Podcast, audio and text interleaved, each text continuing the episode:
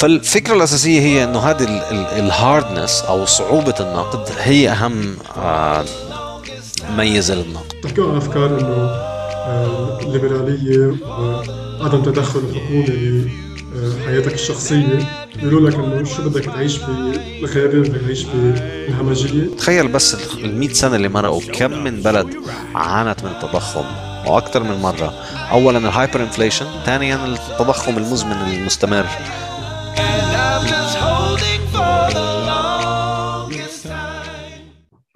أهلا وسهلا فيكم بحلقة جديدة من القلعه podcast podcast السياده الفردية. واليوم حلقة مميزة جدا آه، معنا الدكتور سيف الدين عموس. أهلا وسهلا فيك سيف. شكرا شكرا توماس. thank you for having me مبسوط جدا إنه صحة انه فرصة نحكي مطولا. شكرا شكرا. لنا الشرف آه، باستضافتك. دكتور سيف الدين هو خبير بالبيتكوين. خبير بالمال السليم وبالاقتصاد السليم. آه، في عنده كتاب اللي هو معيار البيتكوين من أهم الكتب آه، بسموه يعني الإنجيل تبع البيتكوين. آه، معيار البيتكوين مترجم في منه بالإنجليزي مترجم بالعربي بالفرنساوي ولكتير لغات يعني معظم اللغات ممكن واحد يفكر فيها. واليوم هيك رح نحكي عن البيتكوين وعن الأشياء الأحوال البيتكوين مثل الاقتصاد النمساوي مثل المال السليم والى اخره وعن محتوى هذا الكتاب اللي هو معيار البيتكوين. آه، بس قبل ما نبلش آه، بدي أعطي الساحة آه، لسيف الدين. إذا بده لأن هلا بعتقد معظم اللي بيحضروا ال podcast already بيعرفوا مين سيف الدين عموس. بس إذا بتحب تعرف عن حالك كيف فتت بهذا المجال بالاقتصاد النمساوي وكيف فتت على البيتكوين كمان. فإذا بدك تفضل. كنت عم بعمل PhD economics بجامعة كولومبيا كنت عم بدرس economics mainstream وما كنت فهمان شيء uh, things were just كانت الأمور دائما غريبة ومش مفهومة وضلك uh, تقرأ أكثر كل ما تقرأ أكثر بتضيع أكثر و ما بتفهم بالضبط شو المنطق من وراء الموضوع. لحد حوالي سنة 2007 بلشت أقرأ uh, أول شيء كان I think كارل بوبر بعدين دلني على هايك بعدين هايك دلني على ميزس وروثبارد بعدين بلشت الدنيا تنفتح بلشت الأمور to make sense يعني بلشت بلشت أفهم شو عم بصير بالدنيا. وصار ال financial crisis وقتها الأزمة المالية بال 2008 2009 وهذا اللي كان خلاني أصير مهتم كثير في الموضوع لأنه آه، من جهة عندك العالم عم آه، العالم الاقتصادي عم بتغير وعم بتدمر والشركات عم بتروح وعم تنتهي. والاقتصاد المين ستريم العادي مجرد وظيفته الوحيدة كانت هي إنه بيطلع البروفيسور آه، على التلفزيون أو على الجريدة وببرر اللي عمله البنك المركزي وبيشرح كيف إنه هذا الشيء مزبوط. قبل بنهار ما كان بيقدر يقول لك إنه لازم يعملوا هيك بس بعد ما عملوا هيك بيطلع بصير بيقول لك آه مزبوط. كان لازم يعملوا هيك هذا هو الخيار الصح. ف ببين قدامك إنه أنت مش عم تتعامل مع آه، ناس عم تفكر منطقيا بالموضوع عم تفكر بطريقة علمية عم تفكر بطريقة منهجية على إنه تحاول تفهم شو اللي عم بيصير وعن شو اللي لازم ينعمل. أنت عم تتعامل مع بروباغندا آه، يعني. آه، ناس عم مثل يعني مثل أي حزب مثل أتباع أي حزب بلبنان إنه بستنوا بشوف شو الزعيم عمل وبعدين بيطلع ببرر إنه الزعيم كان معه حق. فهيك كان تجربتي مع الاقتصاد العادي. والإقتصاد النمساوي فرجاني لا إنه في طريقة تانية ممكن الواحد يفهم عن جد شو عم بيصير بالدنيا. آه وهذا الشيء ساعدني كثير آه خلصت ال PhD آه وجيت على لبنان رجعت على لبنان. كنت درست أول في ال AUB درست هندسة بال AUB خلصت بال 2003 وبعدين بال 2009 تقريبا 2009 خلصت ال PhD خلصت رجعت بال 2010 يعني بس بال 2009 تركت تركت كولومبيا وجيت على لبنان ودرست بال LAU درست 10 سنين بال LAU آه، وين هناك تعرفت عليك. آه، درستك macro ولا مايكرو وقتها؟ macro. Microeconomics micro okay يعني فكنت عم ادرس macro micro بال LAU وفي اوقات فراغي اللي هي يعني لما تكون بروفيسور في منها كتير كنت عم بدرس بدرس اقتصاد نمساوي وعم بحاول افهم الاقتصاد النمساوي وعم بفكر بموضوع خاصه الشغله كثير كانت مهمه باللي هو موضوع المصاري وموضوع النقد اللي يعني بلشت تستحوذ على جزء كبير من اهتمامي وبعدين سمعت عن البيتكوين. طبعا بالبداية كنت كتير gold bug يعني مهووس بالذهب ومفكر إنه الذهب هو الحل ومقتنع إنه الذهب هو الحل لهذا الموضوع. وكانت عندي فكرة يعني هي إنه لازم ينعمل app startup تعمل app مبنية على الذهب وتوزع تسمح لأي حدا إنه يعمل مبيعات مدفوعات عبر الذهب وتكون مدعومة بالذهب. فيعني كانت مبداها مثل البيتكوين بس من غير ما يكون في بيتكوين في ذهب actual physical gold موجود بخزنة وبتبيع وبتشتري. فكانت هذه فكرة عندي إياها. وبعدين آه، مع الوقت بلشت أستوعب آه، ليش مستحيل إنها تنفتح هاي الشركة. مستحيل إنه يصير هذا الشيء ليش ما فيش حدا بيقدر يعمل هذا الشيء بأي محل بالعالم اليوم لأنه سوق الذهب مسيطر عليها كليا من الحكومات. فهذا الشيء اللي خلاني أسمع عن البيتكوين كبداية من فترة يعني ما بتذكر إمتى حتى سمعت عن البيتكوين أول مرة ممكن 2010 ممكن 2011 بس سمعت عنه بكير وبالبداية كنت متوقع يعني إنه أكيد لا يمكن يزبط إنه كل التاريخ البشري الناس عم تحاول تخترع ذهب جديد ودائما النتيجة واحدة آه، كل المشاريع الثانية بتفشل وبضلش الذهب. فكنت مش فاهم الموضوع مش كثير مهتم فيه في البداية. 2012 2013 ضلوا البيتكوين يروح ويجي ويضلوا عم يطلع وصرت عم بهتم فيه أكثر بال 2013 14 بلشت أنتبه عليه بشكل آه، يعني آه، بلشت أقرأ عنه أكثر وأنتبه عليه بشكل أقوى. في يعني بلشت أفهم الموضوع آه، منيح. لحد بعدين بال 2017 قررت إنه أكتب كتاب عن الموضوع. لأنه كنت عم بقضي كل نهاري عم بحكي مع الناس عن البيتكوين على تويتر وعلى فيسبوك. مرتي قالت لي ضيعش وقتك على الفيسبوك أعمل إشي مفيد بوقتك. شو رأيك تكتب إشي؟ بدل ما أنت طول النهار عم تقاتل على العالم.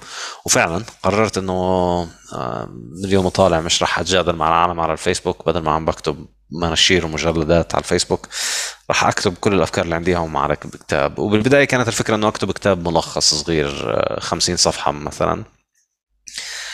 ولكن بلش متى ما بلشت أول ما بلشت ان ان, إن فلتت إيدي على الكتابة وما قدرتش أوقف صار الكتاب 300 صفحة. ونشرته مع وايلي وكان يعني هو ب publisher academic على أساس إنه يكون هو الكتاب اللي راح يخليني أحافظ على وظيفتي بال LAU لأنه مطلوب منا نعمل publications بس الكتاب لقى نجاح كتير كبير حول العالم وصار حاليا مترجم لحوالي 30 لغة. ومع نجاحه ومع صعود البيتكوين صفت صفّى البيتكوين هو اللي ماخذ كل وقتي وكل حياتي. وتركت شغلي بالآلي وهلأ بشتغل full time بمجال البيتكوين وبدرس economics على ال website تبعي سيف الدين dot com آه، تمام. وعلى فكرة هذه الشغلة اللي قلتها بخصوص الاقتصاد يعني أنا وقت فتت بلشت أتعلم عن الاقتصاد بالجامعة يعني ال microeconomics ال mainstream والى آخره. آه، حسيت بنفس الشيء يعني حتى علاماتي ما كانوا كثير منيح بالاقتصاد اللي بيعلمونا إياه بالجامعة. آه، بخصوص كتاب معيار البيتكوين هلأ في عندك كتابين ثانيين بدهم يجوا بال في الشهر الجاي أول كتاب هو في The Fiat Standard اللي هو ال sequel لهذا الكتاب معيار البيتكوين. ويمكن السنة الجاية رح يكون عندك كتاب ال Principles of Economics مزبوط؟ نعم. مزبوط. هلا رح نحكي عن معيار البيتكوين. آه، قبل ما يعني بعدين يمكن بصير فينا أكثر نحكي عن هذيك الكتب آه، معيار البيتكوين إذا بدك أنا مثل ما بعرف آه، مثل حدا قريب بيعرف إنه هذا الكتاب هو اسمه معيار البيتكوين بس بيحكي عن مواضيع أكثر بكثير من البيتكوين. يعني بيحكي عن مواضيع ثانية ببلش يعني بكل فصل بتحكي عن كذا موضوع. بآخر كم فصل ببلش تحكي فيهم عن البيتكوين ف بس بدك هيك تفسرنا أو تعطينا هيك مثل ملخص عن محتوى كتاب معيار البيتكوين وإذا واحد بده يقريه شو معقول يستنظر اولا كبداية الكتاب بالعربي موجود آه، للتحميل مجانا على موقعي آه، على الصفحة العربية في موقعي safeddin.com/arabic آه، موجود الكتاب بالتحميل المجاني وبنصح أي شخص آه، آه، وأي حدا حابب يقرأه ويطبعه ويوزعه ما عندي أي مشكلة يعني بيسعدني ويعني اطبعه ووزعه بيعه اعمل اللي بدك إياه فيه بهمني إنه الناس تقرأ منه أكثر وأكثر للأسف مش كثير عالم تقرأ بالعربي. ف آه، الكتاب يعني مش آه، مش كثير الناس بتقرا بالعربي للأسف أغلب الناس اللي بتقرأ بالعربي آه، بتقرأ الناس اللي بتحكي عربي اللي بتقرأ بتقرأ بالإنجليزي أو بالفرنسي ف الكتاب بالعربي مش كثير للأسف ماخذ ضجة قد ما اخذها باللغات الثانية فموجود كاملا للتحميل وحقوقه مفتوحة للجميع يطبع ويبيع ويسوي اللي بده إياه فيه. الفكر الأساسية الأفكار الأساسية في كتاب المعيار البيتكوين هي النظرة على تاريخ النقد من منطلق النظر على النقد كتقنية technology يعني عادة الطريقة اللي بندرس فيها النقد في ال economics في الجامعة هو إنه النقد هو الوسيلة اللي الحكومة بتستعملها عشان تعطينا وتمنحنا آه، اقتصاد. الحكومة تحط بنك مركزي البنك المركزي بيقرر شو بده يعمل بالمصاري بيطبع ورقه وبحط عليها صورة الرئيس وصورة المعالم الأثرية بالبلد بوزعها على العالم. وبتصير العالم تقدر يصير في عندها اقتصاد من وراء إنه الحكومة تكرمت علينا بالنقد. أنا كواحد متأثر بالمدرسة النمساويه أعتقد النقد مش مخلوق من الحكومة هو مخلوق من السوق. السوق بتخلق النقد النقد موجود قبل ما توجد الحكومات وراح يكون موجود بعد انتهاء كل الحكومات. يعني بتنتهي كل حكومة وبتروح وبتضلها العالم تستعمل نقد قبلها وبعدها. فلازم نفهم النقد من ناحية اقتصادية ومن ناحية تقنية يعني كيف بيأدي, الوس... بيأدي وظيفته الاقتصادية. والفكرة اللي, ب... اللي بطرحها على... على أهمية النقد أو دور النقد الأساسي هي إنه ال... أو الخاصية الأهم اللي بتخلي الشغلة تصير نقد الخاصية التقنية اللي بتخلي الشغلة تصير مصاري هي إنه يكون الكمية تبعتها مش سهل زيادتها. هذا أهم شيء. فيعني طبعا في كتير مزايا وخواص مهمة للنقد وبتطرق لها بالكتاب وبشرحها عنها. بس الفكرة الأساسية الأهم بالنسبة لي في النقد اللي بتجعل النقد نقد هو الندرة السكيرسيتي بالإنجليزي. اللي هي صعوبة إنتاج كميات زيادة. وهي مش مش ندرة من ناحية الكمية المطلقة يعني مش إنه كمية كبيرة أو كمية صغيرة. هي بالأحرى ال ال النسبة بين الإنتاج الجديد للكمية الموجودة بالسوق. هذا بالنسبة لي يعني بطرح هذا كبداية آه ك كالميزة اللي بتميز النقد وبعدين بشرح تاريخيا كيف عدة أنواع من النقد لعبت هذا الدور ولأنه كانت عندها هذه الميزة وكيف لما صار في شغلة عندها هذه الميزة بشكل أحسن دائما كانت هاي الشغلة تأخذ الدور النقدي من الأشياء اللي ما عندها هاي الميزة. فتاريخيا مثلا كانت الناس تستعمل البقر أو الملح آه، كنقد لأنه آه، مش سهل كتير الحصول عليه. مكلف. بس طبعا مع الوقت صار إنتاجهم أسهل وأسهل وصارت الناس تستخدم أشياء مثل مثلا الصدف النادر كنقد لأنه مش سهل الواحد يلاقيه وينتج منه. والحجاره النادرة ببعض الحضارات مثلا الحجار المعمولة من الكلس في جزيرة ما فيش فيها كلس آه، كانت تستخدم كنقد.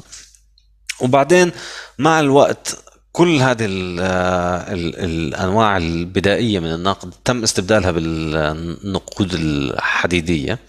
الحديد والنحاس بعدين الفضة والذهب. كلها صارت تاخذ دور نقدي لأنه الحديد أو كمان كان مش سهل إنتاجه بالبداية. وبعدين صرنا يعني لما صار سهل إنتاج الحديد والنحاس فقد دوره النقدي للفضة والذهب اللي هو إنتاجهم مش سهل. والفضة بعدين فقدت دورها النقدي للذهب والذهب أصبح هو النقد الوحيد تقريبا في العالم بنهاية القرن التاسع عشر لما كان العالم كله على المعيار الذهبي. وبرأيي اللي الشيء اللي بيخلي الذهب هو اللي يحصل على هذا الدور هو مش لأنه الذهب أصفر أو لأنه الذهب بيلمع أو لأنه الذهب حلو الواحد يطلع عليه. هو ببساطة لأنه الكمية المنتجة من الذهب دائما بتكون صغيرة مقارنة بالكمية المتوفرة من الذهب بالسوق. لأنه الذهب ما بيخرب الذهب ما بيتلاشى ما بيصدي ما ما في أي وسيلة إنه يتآكل. فبالتالي عبر آلاف السنين كل كميات الذهب اللي عم نجمعهم وعم نحصل عليهم كبشر عم تتجمع وعم بتضلنا نحتفظ فيها كذهب ولأنه آه، ما في أي وسيلة إنها تخرب. المعروض من الذهب دائما بيكون شكل بيكون كمية كبيرة مقارنة بإنتاج السنة. يعني إنتاج السنة للذهب هو إنتاج سنه واحدة بينما المعروض على السوق اللي موثوق بإيدين الناس هو إنتاج آلاف السنين. يعني الذهب اللي كانت لابسته نفرتيتي قبل 5000 سنة أو 3000 سنة ما بعرف إمتى كانت بالضبط. بس الذهب هذا نفسه آه عبر الزمان ممكن تكون تحول لعملة ورجع تحول ل آه مجوهرات. اليوم ممكن يكون حدا بتعرفه لابس ذهب قبل 5000 سنة كان لابسته نفرتيتي ما بتعرف هو ذهب بضله ذهب فما بيخرب وبضله يدوب ويتم صهره وبضل الناس تحتفظ فيه. فبالتالي آه مع إنه كل سنة عم ننتج ذهب أكثر كمية الإنتاج بتضلها نسبة قليلة مقارنة بالمعروض فبالتالي كل سنة. كمية الذهب اللي موجودة بتزيد فقط بواحد أو 2% يعني نسبة التضخم في كمية الذهب اللي موجودة بالعالم بتزداد كل سنة تقريبا واحد أو 2% فقط وهذا شيء مش متوفر بأي نوع من أنواع المعادن الأخرى أو السلع التجارية الأخرى لأنه إذا إذا نظرنا إلى كمية الذهب اللي موجودة حول العالم دائما بتضلها هذه النسبة آه، صغيرة. هلأ آه، مع الوقت آه، هذا أدى لزيادة قيمة الذهب وأدى لأنه كل العالم تمشي على الذهب وفكرة إنه صارت العالم كلها ماشية على نقد واحد صار معناها إنه العالم كله بيقدر يتاجر مع بعضه بنوع من النقد واحد. فهذا بيعمل آه، ميزة ممتازة للنقد للنظام الاقتصادي اللي هو إنه أي شخص صار يقدر يتاجر مع أي شخص ثاني بالعالم وبيقدر يعمل حساباته الاقتصادية ب آه، ب قاسم مشترك واحد إذا بدك اللي هو ال denominator الوحيد لكل ال transactions يعني سعر ال ال ال ال أنت عم تصنع شغلة بلبنان عم تشتري بضاعة من الصين وعم تبيع المنتج في أمريكا وفي أوروبا. كل البضاعة تبعتك بتنشرى بالذهب وكل البضاعة اللي بتبيعها بتنشرى برضه بالذهب. فبتقدر تعمل كل حساباتك بالذهب. وهذا بالنسبة لي أعتقد كان شيء كتير مهم وشيء مش كتير العالم واعي عليه على قديش أهمية إنه راح هذا الشيء؟ لأنه اليوم إذا أنت قاعد عم تنتج بلبنان عندك بدك تحسب قيمة العملة اللبنانية مع العملة الصينية تبعت الموردين اللي بتستورد منهم المواد الخام وبعدين بدك تصدر للعملات الثانية فأنت عم تعمل حساباتك ب 15 مسطرة وكل مسطرة عم بزيد وعم بقل طولها كل يوم. بينما أيام الذهب كانت مسطرة واحدة هي اللي بتستعمل للقياس كل القيمه الاقتصادية. فالفكرة الأساسية هي إنه هذه الهاردنس أو صعوبة النقد هي أهم آه، ميزة للنقد. وهي اللي بتفسر كيف الذهب صار نقد وهي بتفسر لنا كمان اذا جينا على القرن العشرين لما الحكومات استولت على دور الذهب حتى من ضمن النقد الحكومي. بنشوف إنه الحكو... النقد الحكومي اللي كميته بتزيد بشكل قليل كل سنة بيحتفظ بقيمته أكثر من النقد اللي قيمته بتزداد اللي كميته بتزداد بشكل كبير. فيعني إذا نظرنا على العملات المنيحة بالعالم العملات القوية بتزداد نسبيا تقريبا 5 6 7 8% بالسنة تقريبا. هذه أحسن عملات. يعني الدولار أو السويس فرانك أو الكورونا السويدية هذه هيك العملات ازدادت نسبيا 5 6 7% بالسنة. العملات السيئة بتزداد ب 20 و30 وفي طبعا في حالات 100 و200 و300% زي ما عندنا بلبنان هلأ عم نشوف يعني أو عندكم أنا هلأ مش في لبنان. بس إنه آه، في لبنان يعني إذا نظرنا خلال آخر سنتين كمية النقد آه، تبعت البنك المركزي ازدادت تقريبا سبع أضعاف. في خلال سنتين. وطبعا هذا انعكس على القيمة الشرائية للليرة اللي هي انهارت. ف آه، عبر سرد هذا التاريخ وعبر سرد أهمية النقد وعبر سرد أهمية الأدوار اللي بيلعبها النقد بعد يعني سبع آه، فصول من الكتاب اللي هي ما بتتطرق للبيتكوين بعد هدول السبع فصول بشرح وقتها شو البيتكوين وإيش أهمية البيتكوين كيف بيشتغل البيتكوين بشرح عن الجانب التقني للبيتكوين كيف بيشتغل وبعدين آه يعني الخلاصة اللي بتدمج كل شيء هي إنه التقنية تبعت البيتكوين معمولة بشكل يضمن إنه لن يكون هناك آه، أي شخص يقدر ينتج أكثر من 21 آه، مليون بيتكوين. مش رح يصير في أكثر من 21 مليون بيتكوين.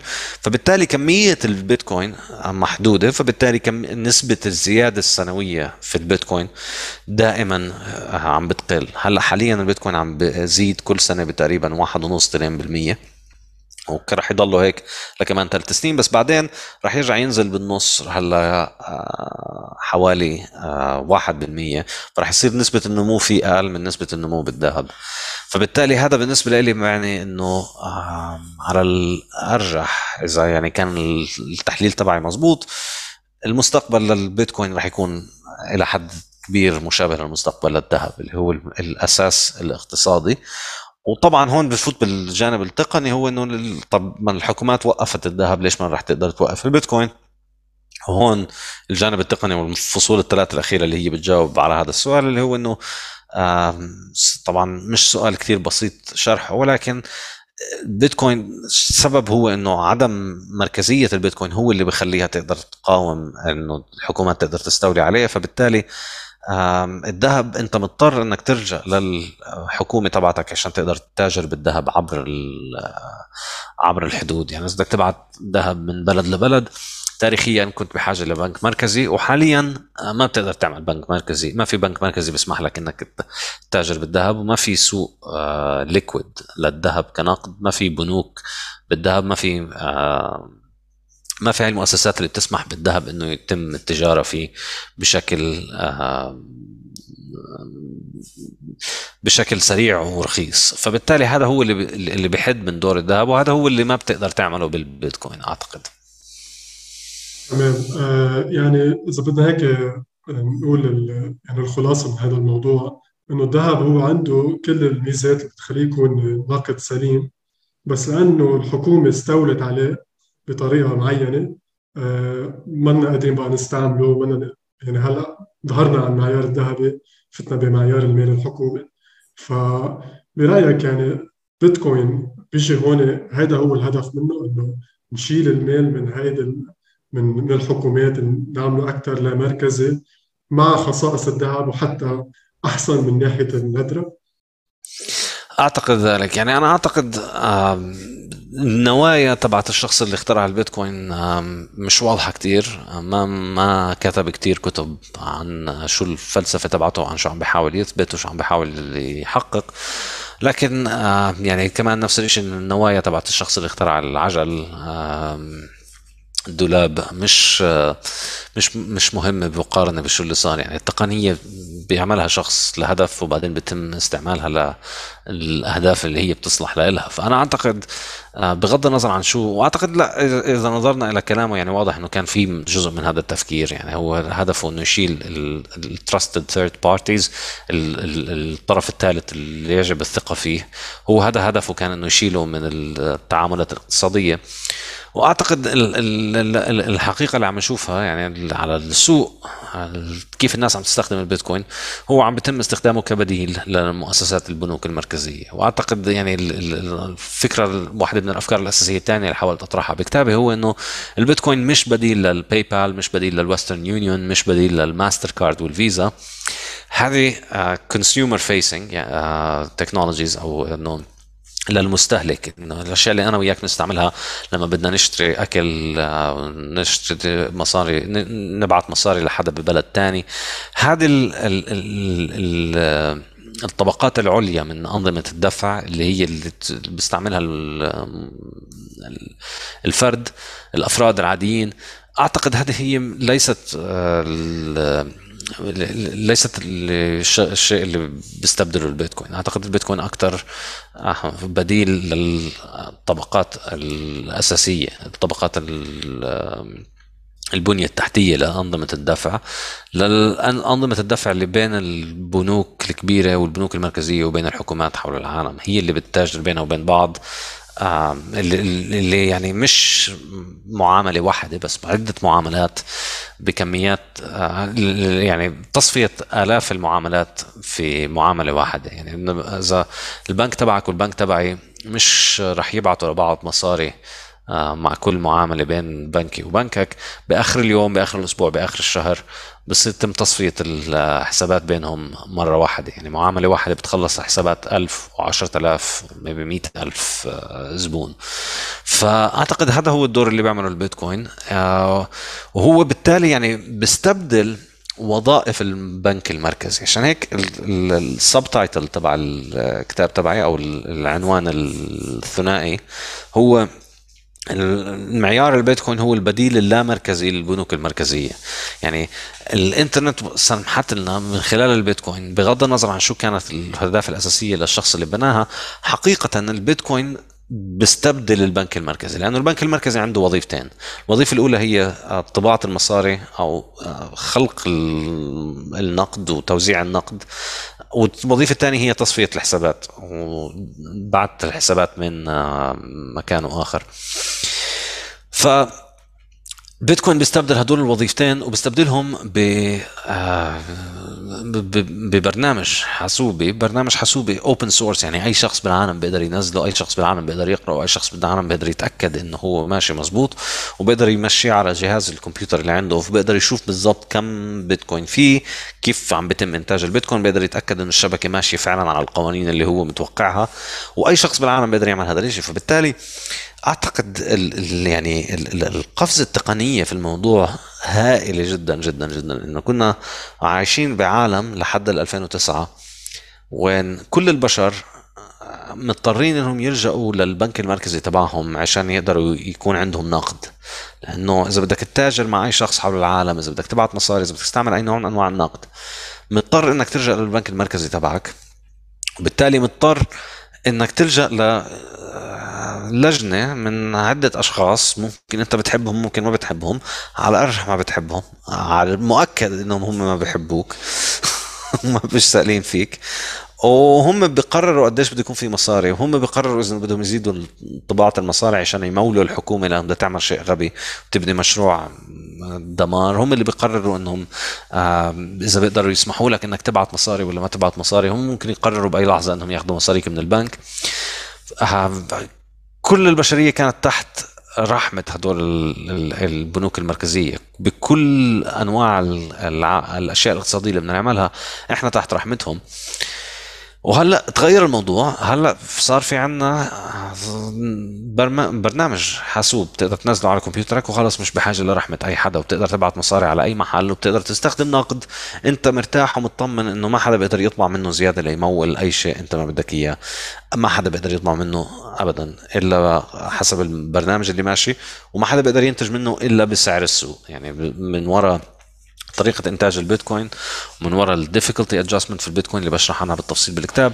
ما حدا بيقدر ينتج بيتكوين بسعر أقل من سعر السوق فبالتالي البيتكوين أكثر نقد عادل بالتاريخ ممكن تفكر فيه لأنه ما حدا بيقدر يسيطر عليه وما حدا بيقدر يتحكم فيه وما حدا بيقدر إنه يحرم حدا تاني من إنه يستعمله. 100%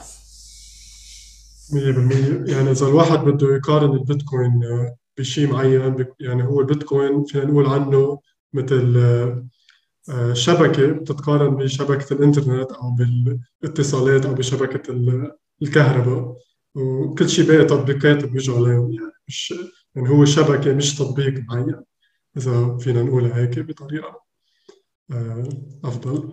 آه، هلأ إذا بدك يعني على طول العالم تسأل هذا السؤال يعني حيلا حدا خاصة بيج جديد على البيتكوين وبده يعرف يعني بس يكون بس يصير معه بيتكوين شو المستقبل تبع البيتكوين ف آه، بيسأل السؤال إنه كيف معقول يصير تبني البيتكوين؟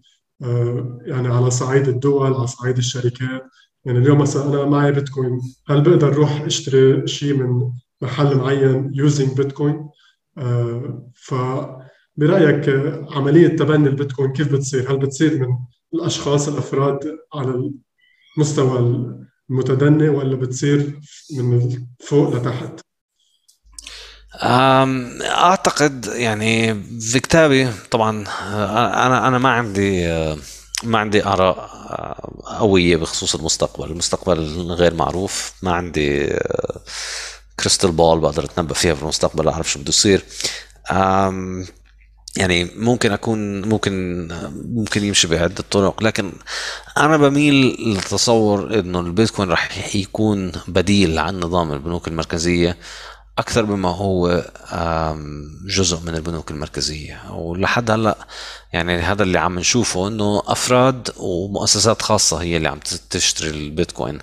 وأعتقد رح ينمو ك نظام تصفية يعني كبيس لاير كالطبقة الأساسية لنظام تصفية بين أفراد وبين شركات خاصة حول العالم بديل عن الأنظمة التصفية الحكومية بدي- بديل عن أنظمة البنوك المركزية. وأعتقد هذا اللي عم نشوفه. يعني حاليا آه، كمية التعاملات اللي عم بتصير على شبكة البيتكوين يوميا هي بين 200 و 500 ألف دولار آه، بين 200 و 500 ألف دولار بالسنة. آم، فبالتالي عفوا بين 200 و 500 ألف تعامل في اليوم. فبالتالي الكمية التعاملات اللي بتصير في البيتكوين عبر الحلول الطبقات الثانية أو الثالثة أكثر منها بعشرات ربما مئات الأضعاف. يعني كل يوم بيتم تبادل البيتكوين بكميات كتير أكبر. عبر ال Lightning Network شبكة البرق أو عبر آه، ال- ال- المؤسسات اللي بتستعمل البيتكوين ال exchanges والشركات اللي بتتعامل بالبيتكوين. يعني من خلالها الناس تبعت لبعض بيتكوين آه، أكثر بكتير بكتير بكتير من كمية البيتكوين اللي بيتم تبادله على الشبكة نفسها. فإحنا فعلا عم نشوف هذا الشيء عم بيصير حاليا. يعني البنك ال- البيتكوين بيعمل كنظام تصفية نهائي بين هذه ال... بين ال... الشركات اللي بتتعامل بالبيتكوين وهو الناس أكثر وأكثر عم تستعمل البيتكوين على حلول طبقات ثانية وثالثه لإلها. أعتقد يعني البنوك المركزية ربما بالنهاية هم أكثر ناس صعب يفهموا البيتكوين. لأنه لسبب يعني سبب ايديولوجي إنه هم إذا أنت بتشتغل في بنك مركزي فأنت مآمن ويعني زي كأنك إذا أنت بتشتغل بالكنيسة فأنت مآمن بال ب- بالدين وبالكتاب المقدس عندك. إذا أنت بتشتغل ببنك مركزي أنت ال- ال- الكتاب المقدس عندك هو كتاب كينز وكتب الاقتصاد ال textbooks اللي بتقول إنه النقد هو منتج للحكومة وإنه النقد غير الحكومة لا يمكن أن يكون وإنه من غير الحكومة في عندنا نقد. فبالتالي آه ال ال ال النظرة الأساسية الأولانية اللي رح تكون عندك لأي نقد آه غير حكومي هو إنه آه هذا مش رح يزبط رح يفشل رح ينهار بكرة بيخرب. وراح يكون كتير صعب عليك تتقبل هذا الموضوع يعني زي كأنك عم تروح عم تطلب من شخص بيشتغل بكنيسة إنه يتقبل آه، فكرة إنه آه، يعني آه، فكرة الكفر فكرة إنه الإله مش موجود. هيك هيك هيك لهي الدرجة أنا أعتقد الدور الحكومة في النقد لهالدرجة مهم للناس اللي بتشتغل في البنوك المركزية. فصعب إنك تقنعه بعكس الشيء اللي مبني عليه كل تفكيره وكل الإيديولوجيا تبعه وكل ال- العمل تبعه وكل الراتب تبعه. هذه من ناحية. ومن ناحية ثانية يعني هي البنوك المركزية من ناحية عملية مش بس ايديولوجيه البنوك المركزية هي نفسها. يعني آه، هي بتعمل الخدمات اللي بيعملها البيتكوين. فبالتالي هم أقل ناس بحاجة للبيتكوين. فربما قد يكون البنوك المركزية هي آخر ناس بتوعى على الموضوع. ولكن اللي شفناه السنة هو إنه السلفادور بلشت تتبنى البيتكوين آه، كعملة رسمية. هلا السلفادور وضعها خاص من ناحية إنه السلفادور ما في عندها عملة هي بتستعمل الدولار كعملة لها فما عندها بنك مركزي آه، بيطبع النقد. النقد بالنسبة لهم هو شيء بنجيبه من أمريكا وموجود عندنا ببلدنا ومع الحكومة عندهم ما بتقدر تطبع أو تزيد كمية آه، كمية النقد اللي موجود. ف عشان هيك أعتقد يعني وهذا أنا بالنسبة لي يعني أتمنى كمان مش أعتقد إنه إن شاء الله يعني يضلوا البيتكوين ينمو آه، بشكل حر بعيد عن الحكومات لأنه أعتقد هذا رح يؤدي لاضعاف الدور الاقتصادي للحكومات مع الوقت لأنه حسب آه، آه، حسب رأيي أعتقد مع الوقت ال- البيتكوين رح يضل يصعد قيمته رح يضل يزداد العالم اللي بتستعمله رح تصير شبكة أكبر وأكبر وأكبر. بينما نقد الحكومة حول العالم زي ما إحنا شايفين يعني عم بينهار والشيء الوحيد اللي بيختلف هو آه، سرعة الانهيار بين بلد وبلد. يعني بكل مكان عم نشوف النقد عم بينهار وعم تنزل قيمته. ف يعني أتمنى إنه هذا هو اللي يصير إنه الناس تعمل ابجريد بيسكلي تترفع من تقنية بدائية اللي هي النقد الحكومي اللي بتعمله حكومة إلى نقد إلى نقد متطور تعمله الشبكات الإنترنت. آه، مية بالمية. وفي شغلة يعني إذا بناخد لبنان كمثل آه، لبنان يعتبر مثل بلد تضخمي وصار عندنا مشكلة مالية واقتصادية وتضخم الليرة اللبنانية. آه، هيدي الشغلة حسيتها أنا يعني هذا رأيي الشخصي حسيتها مثل سيف ذو حدين يعني. من وراء هيدي الشغلة في كتير أشخاص فاتوا بالبيتكوين وحسوا إنه البيتكوين هو بديل منيح بالنسبة لهم. بس بنفس الوقت هيدي الشغلة هذا موضوع بتحكي عنه بكتاب معيار البيتكوين اللي هو التفضيل الزمني آه، علت كثير التفضيل الزمني لبعض الأشخاص فبطلوا يلاقوا هدف انه يعملوا ادخار. لأنه اليوم إذا أنت معك مصاري حطيتهم بالبنك بلبنان وخسرتهم من وراء الأزمة الاقتصادية آه، جيت أعطيتهم بديل اللي هو البيتكوين.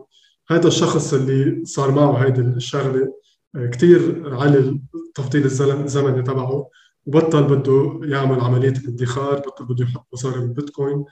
ف فأنا هيك السؤال اللي هون بدي أسأله إنه هل التضخم المفرط اللي يمكن عم نشوفه اليوم بكثير بلدان آه، هو يمكن يكون بوزيتيف بالنسبة للبيتكوين شيء إيجابي بالنسبة للبيتكوين بس بنفس الوقت آه، يمكن يخلي كثير أشخاص إنه آه، يخسروا هذه الفرصة انه يفوتوا على البيتكوين مثل ما صار بلبنان. للأسف آه يعني يعني شوف بتتذكر أنت كيف بلبنان 2015 16 17 18 كنت أحكي للعالم دائما عن البيتكوين واجمالا كانت ردة الفعل هي إنه شو هالهبل شو هالحكي الفاضي وإنه ما في بنك مركزي بالبيتكوين ما في حدا بيعطيك فايدة على البيتكوين.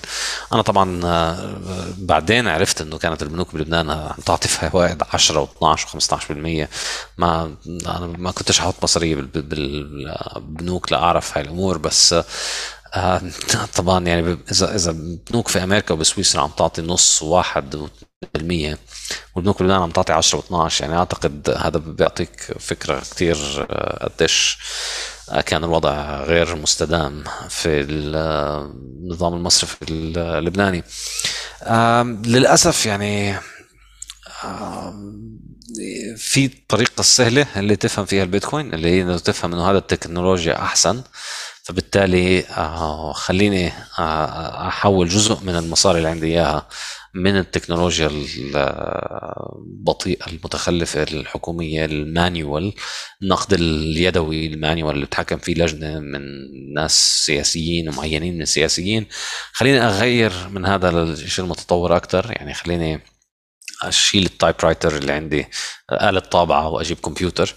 أو خليني أخلص من الحصان وأشتري سيارة. بس في فرق بين البيتكوين وبين هذه الأشياء هو إنه النقد غير عن ال typewriter يعني أنت إذا عندك business عندك شغل عم تشتغل على ال typewriter الشغل تبعك عم بنتج مصاري بال typewriter عم تعمل ربح إذا بتنتقل على الكمبيوتر بتصير تعمل ربح أكثر فإذا تأخرت بقل الربح تبعك بس بضلش ال business شغال يعني. بتقدر بعدين تحول بأي وقت. آه، وكل ما تأخرت طبعا كل ما خف الربح تبعك بس مش زي موضوع المصاري لأنه موضوع المصاري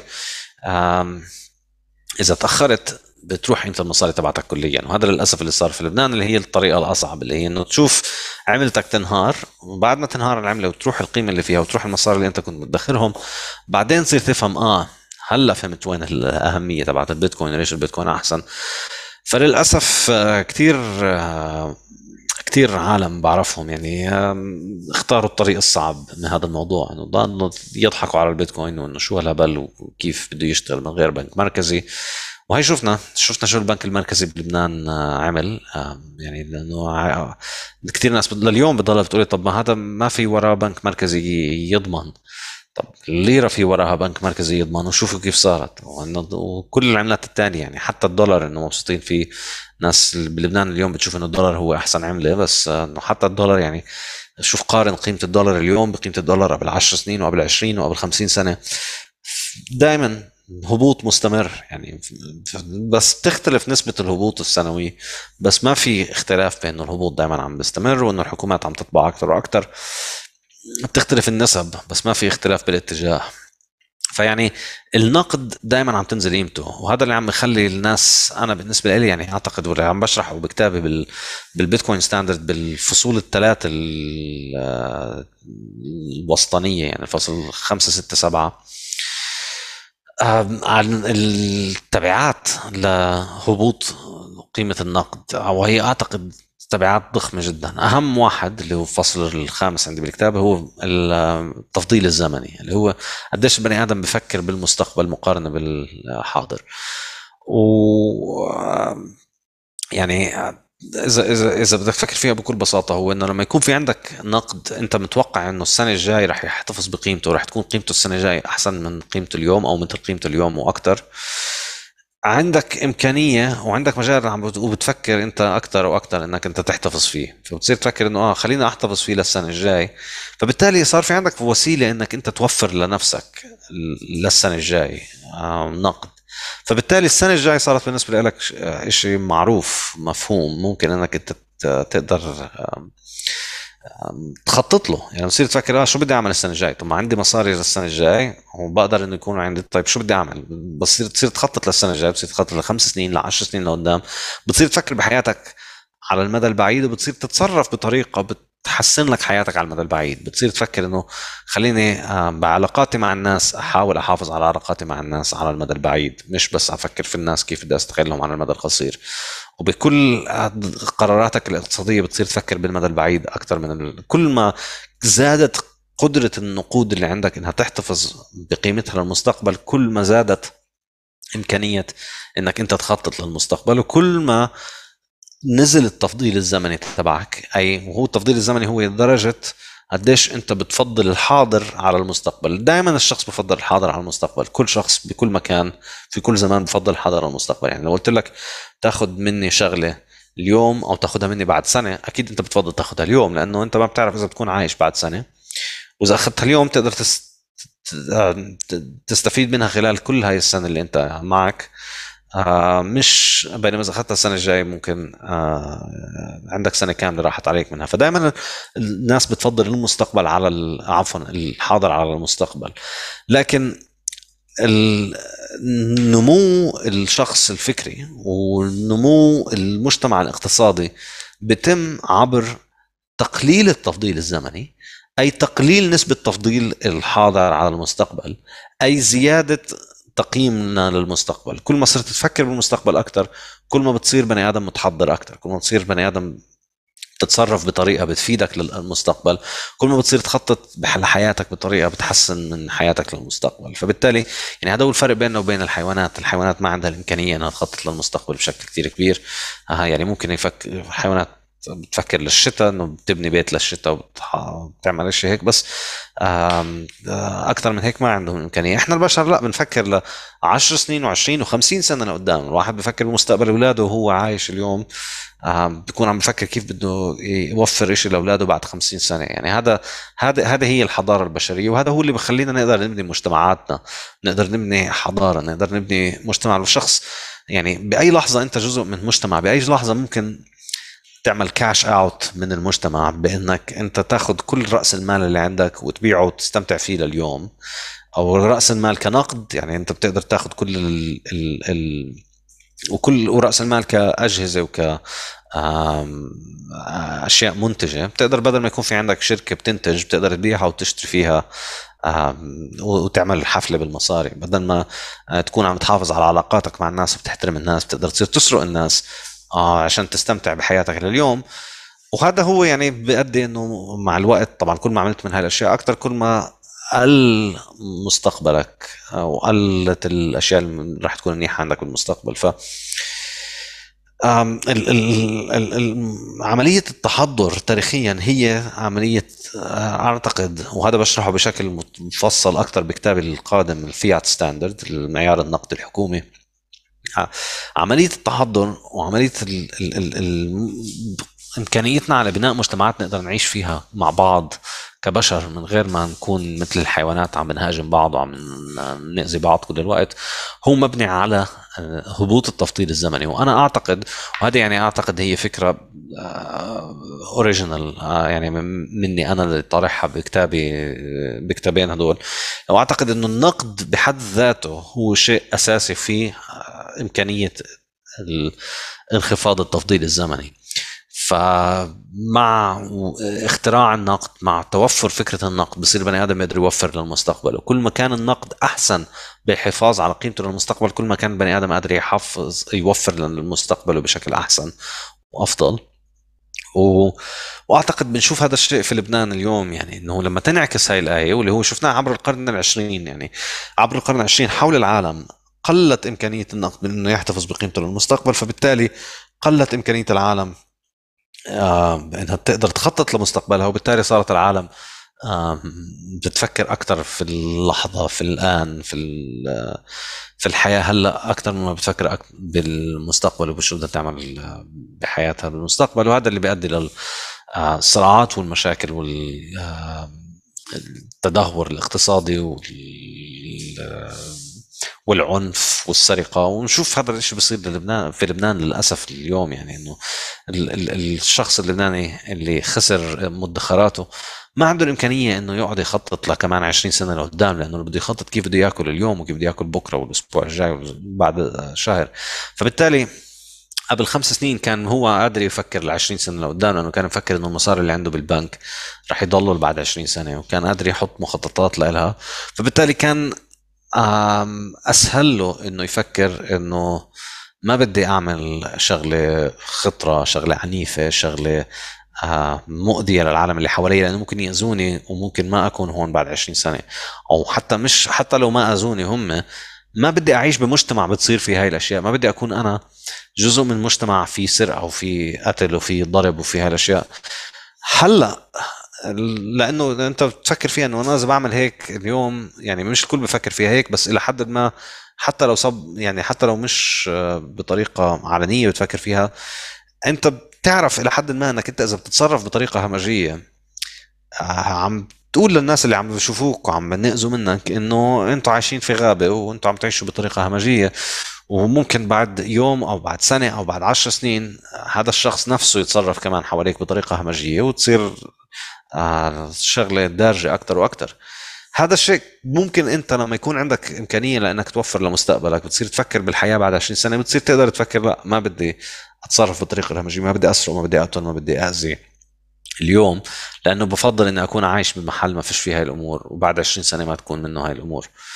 للأسف هذا بيروح مع مع تدهور النقد. وهذه هي يعني أعتقد كارثة التضخم الأساسية. صحيح. وفي شغلة يعني هلأ هيك اشت على راسي إنه على طول بس تحكي مع حدا إن كان بلبنان ولا في كثير بلدان غير بتحكوا عن أفكار إنه آه، الليبرالية وعدم تدخل الحكومة بحياتك الشخصية. بيقولوا لك إنه شو بدك تعيش بالغابه بدك تعيش بالهمجيه بينما هي بالعكس يعني إذا عندك مال سليم آه، بصير في عندك تحضر. واذا ما عندك مال سليم آه، اللي بتخربه الحكومة بصير في عندك همجية وبصير في عندك آه، حياة الغاب وشريعة الغاب مثل ما بيقولوا. 100% هذا هذا السردية اللي غلط عند كثير من العالم. هلأ في شغلة هيك بس بدي أسألها وفي كثير عالم بيسألوها بخصوص البيتكوين. بما إنه البيتكوين هي عملة هلأ هي تضخمية بشكل صغير بس بنهايه المطاف حتصير إنكماشية. بما إنه هي عمله انكماشيه مش تضخميه في كثير عالم ما عندها مش قادرة تستوعب كيف الفكرة معقولة تكون بتسعير السلع والخدمات وكيف بتصير مثلا إذا أنا عندي آه، آه، مدخول معين معيش من شركة معين معينة آه، هل هل المعيش حيقل بيعتبروا إنه حيقل ولا كيف بتصير بعالم المال الانكماشي أو المال السليم؟ يعني كيف بتصير عملية التسعير؟ اذا الناس تعودت بعد 100 سنة وبعد البروباغندا اللي بندرسها من البنوك المركزية في الجامعات. الناس تعودت على فكرة إنه طبيعي إنه النقد آه، تقل قيمته مع الوقت وإنه لازم الأسعار تضلها تطلع وإنه يعني إذا الأسعار ما طلعت مع الوقت يعني مشكلة لأنه يعني مش عم تنمو الاقتصاد. إحنا بنفكر إنه يعني لازم سعر السيارة وسعر البيت وسعر الأكل يضلوا يطلع ولا إذا ما طلع السعر ما راح ينمو الاقتصاد. وهذا أعتقد هو عكس الواقع تماما 100% يعني الواقع بالعكس هو إنه كل ما يتم إنتاج شغلة أكثر كل ما بينزل سعرها. نشوف هذا الشيء بالكمبيوترات. إنه كل سنة الكمبيوتر أرخص من السنة الماضية والنوعية تبعته أحسن وأحسن. هذا هو الإنتاج يعني. هو أصلا النقد بذكر كنا عم نحكي عن ليش النقد آه، بيتم اختياره. هو لأنه ما بتزداد كميته.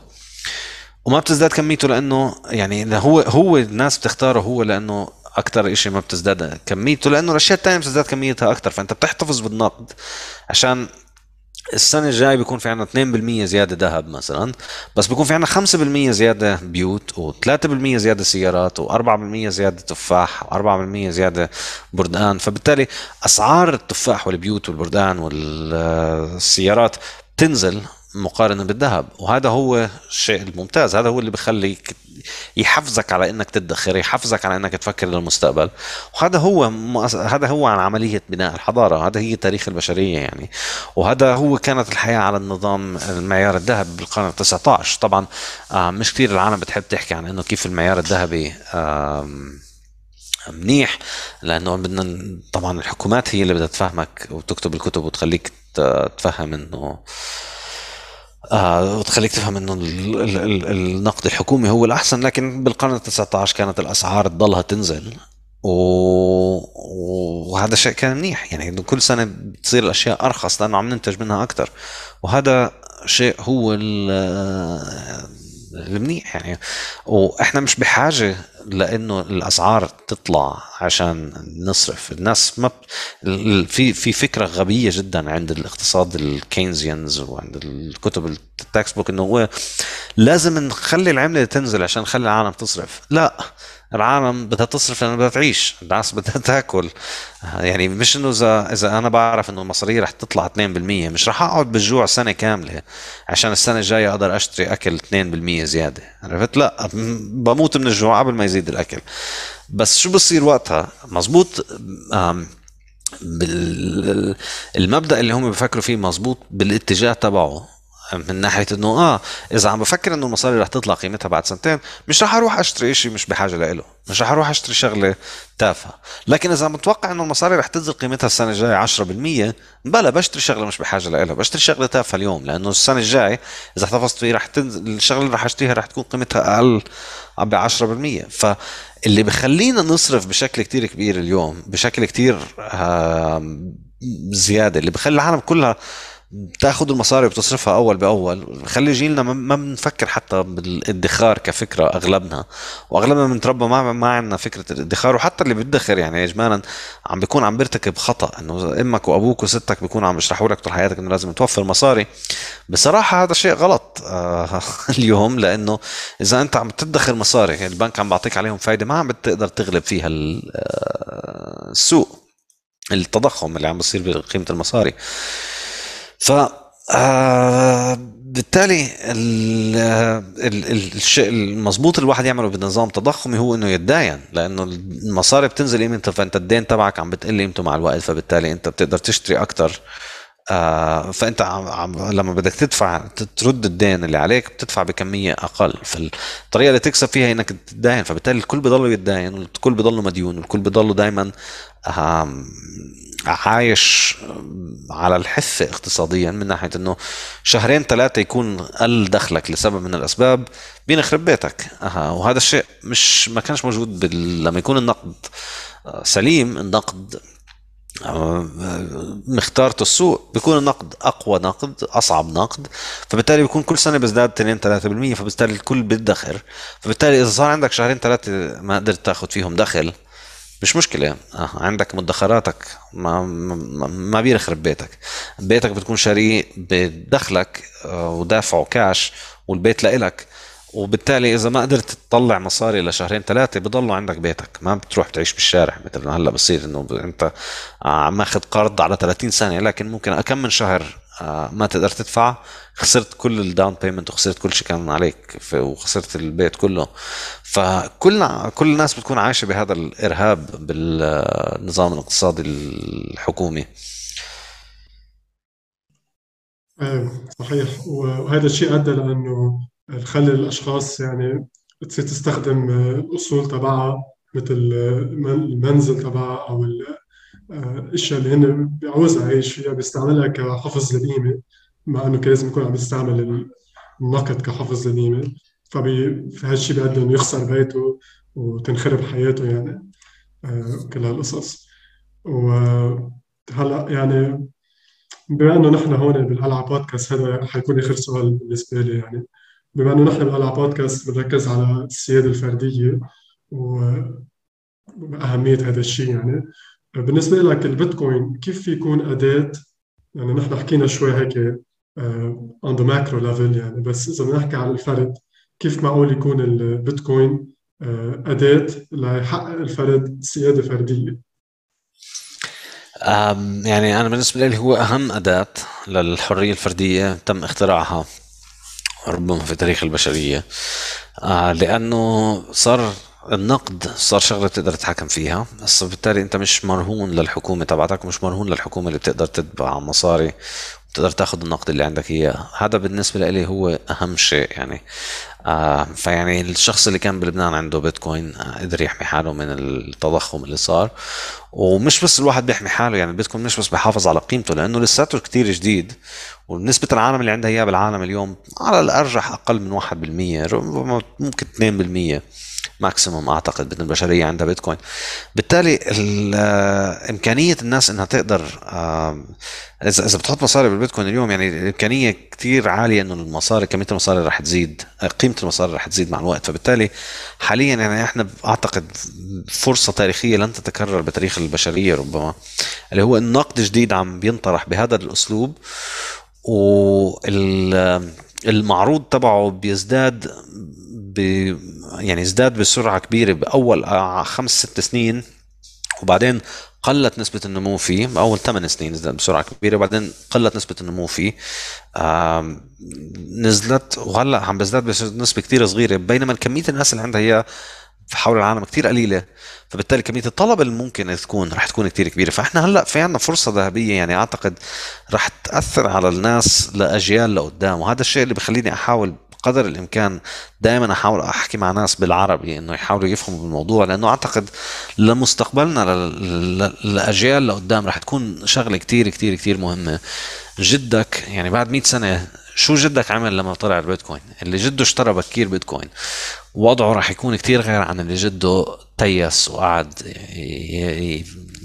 يقرأ ويتفلسف ويحكي ليش يكتب ليش إنه بيتكوين غبي وبيتكوين مش راح يزبط ويلحق البروباغندا تبعت البنوك المركزية على هذا الموضوع. لأنه إذا بتشتري بيتكوين يعني إذا اشتريت على 500 غير في ناس اشترت على 5 في ناس اشترت على 500 في ناس اشترت على 5000 في ناس اشترت على 50000 كل هذا الحكي خلال آخر كم من سنة يعني توقيت بس بالشراء. إذا اشتريت ب 10% من دخلك وبلشت على 5 دولار أنت في عالم مختلف تماما عن إنه لو صرفت هدول ال 10% من دخلك على آه، شغلة تانية أو حطيتهم بإستثمار تاني وبلشت اليوم على الخمسين ألف أو بلشت بعد كم من سنة على الخمسمائة ألف أو بلشت بعد كم من سنة بعدها على الخمسة مليون. يعني الفرق راح يكون ضخم ضخم ضخم. أنت كنت بالمئة دولار تقدر تشتري 20 بيتكوين لما كانت خمسة دولار. بعدين راح يجي وقت راح تكون بال100 دولار عم تشتري آه، آه، عم تشتري آه، ألف ساتوشي أو 100 ساتوشي أو نص ساتوشي. ف والساتوشي والبيتكوين الواحد فيه 100 مليون ساتوشي. فيعني راح يعمل فرق كتير كتير كتير كبير الشخص اللي بيقدر يشتري منه هلا. يعني إذا بنفكر فيها وين العالم رايح؟ هو برأيي عالم كله النظام الاقتصادي كله مبني على 21 مليون بيتكوين. كل التجارة بالعالم رح تصير بتداول من 21 مليون بيتكوين. فيعني الشخص اللي عنده بيتكوين واحدة رح يكون عنده جزء كتير ضخم من كل النقد المالي حول العالم. يعني ممكن يأمن نفسه ماديا ويأمن أولاده. ممكن أجيال تتأمن من وراء من وراء كمية بيتكوين واحدة. أو البيتكوين واحدة كان ممكن تشتريها فترة بخمسة دولار وهلأ بدك خمسين ستين ألف دولار لتشتريها. فيعني أعتقد الفرصة ذهبية هلا للشخص إنه يأمن نفسه و... ولكن أعتقد يعني مع هذا العالم كله رح يستفيد من البيتكوين حتى لو بلش متأخر لأنه ال... حتى لو أنت كنت آخر واحد اشترى بيتكوين بالعالم لما البيت لما الدولار انتهى وصارت العالم كله على البيتكوين أنت يعني الدولار اللي عندك كان معك مليون دولار جابوا لك ساتوشي واحد. لو حتى قلنا هيك أنت هذا أنت رح تستفيد كثير من إنك رح تكون عايش بعالم البيتكوين فيه آه، هو النقد والحكومة ما بتقدر تعمل فيه تضخم ما بتقدر تسرق من قيمة العالم ما راح يكون في أي شيء بصير مثل اللي عم بصير في لبنان اليوم ما راح يكون في hyperinflation بأي محل بالعالم ما راح يكون في آه، تدمير لقيمة النقد. وأنا أعتقد يعني إذا إذا إذا شلنا هذا الشيء يعني تخيل بس ال 100 سنة اللي مرقوا كم من بلد عانت من التضخم؟ وأكثر من مرة. اولا ال hyperinflation ثانيا التضخم المزمن المستمر. مش ضروري يكون hyperinflation انهيار كامل للعملة مثل ما صار في لبنان. يعني التضخم العادي تبع الأيام العادية اللي هو 5 و6 و7 و10 و20 كل شعوب العالم عم بتمر بهذه الدوامة خلال ال 100 سنة الماضية. تخيل كل سنة أنت عم ينسرق منك 5 و10 و20% من نقدك من قيمة النقد اللي عندك. تخيل كيف كانت حياتك غير. يعني أي شخص بالعالم اليوم بأي مكان بالعالم من أغنى بلد في العالم لأرخص لافقر بلد في العالم أي شخص تخيل يعني بس روح لعنده واسأله إنه كيف تخيل حياتك لو كانت كيف؟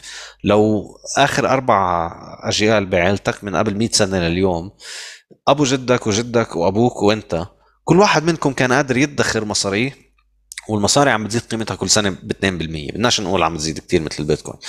كيف كانت الحياة غير؟ قديش كانت الحياة غير؟ كل حدا بالعالم اليوم في عنده قصة عن كيف تدمر اقتصاديا في مرحلة من المراحل من وراء التضخم. كل شخص بكل بلد صارت معه هذا الشغلة. انهار البنك أو راحت قيمة العملة أو كان حاطط مصاري بالبنك وراحت قيمتها أو كان متوقع إنه بده يتقاعد على كمية المصاري هذا بس مع التضخم كمية المصاري اللي اجته على التقاعد طلعت كثير أقل وتبهدل بآخر حياته واولاده ما قدروا يأمنوا حالهم من وراء إنه المصاري كانت عم تنزل قيمتها. كل حدا بالعالم مر مر بهاي القصة. بتكون بينهي هذا الموضوع أنا أعتقد. آه بس مزبوط و اي اجري 100% وهي أنا على طول بقول للاشخاص يعني آه إذا بدك تفوت على البيتكوين حط مصاري بالبيتكوين بلش فوت بالبيتكوين. بس آه تعلم عن الموضوع لأنه ياما في أشخاص اشترت على 5 دولار رجعت بيعت على 10 دولار. فإذا بدك تشتري اليوم بدك تتعلم ليش البيتكوين مهم وليش هالشيء يعطيك يعطيك القوة إنك تضلك حامل البيتكوين مش تبيعه كل ما تعمل ربح صغير. فكتير مهم كمان الواحد يتعلم عن البيتكوين أول ما إنه بده يفوت. وهيدي هي سيف الدين. إذا بعد عندك هيك حيالله شيء بتحب تقوله للمشاهدين آه، قبل ما نختم الحلقة. برجع بقول ال website تبعي سيف الدين dot com slash Arabic فيها كتابي ومش بس كتابي كمان فيها محاضرة عملتها عن البيتكوين وفيها كمان عدة مقالات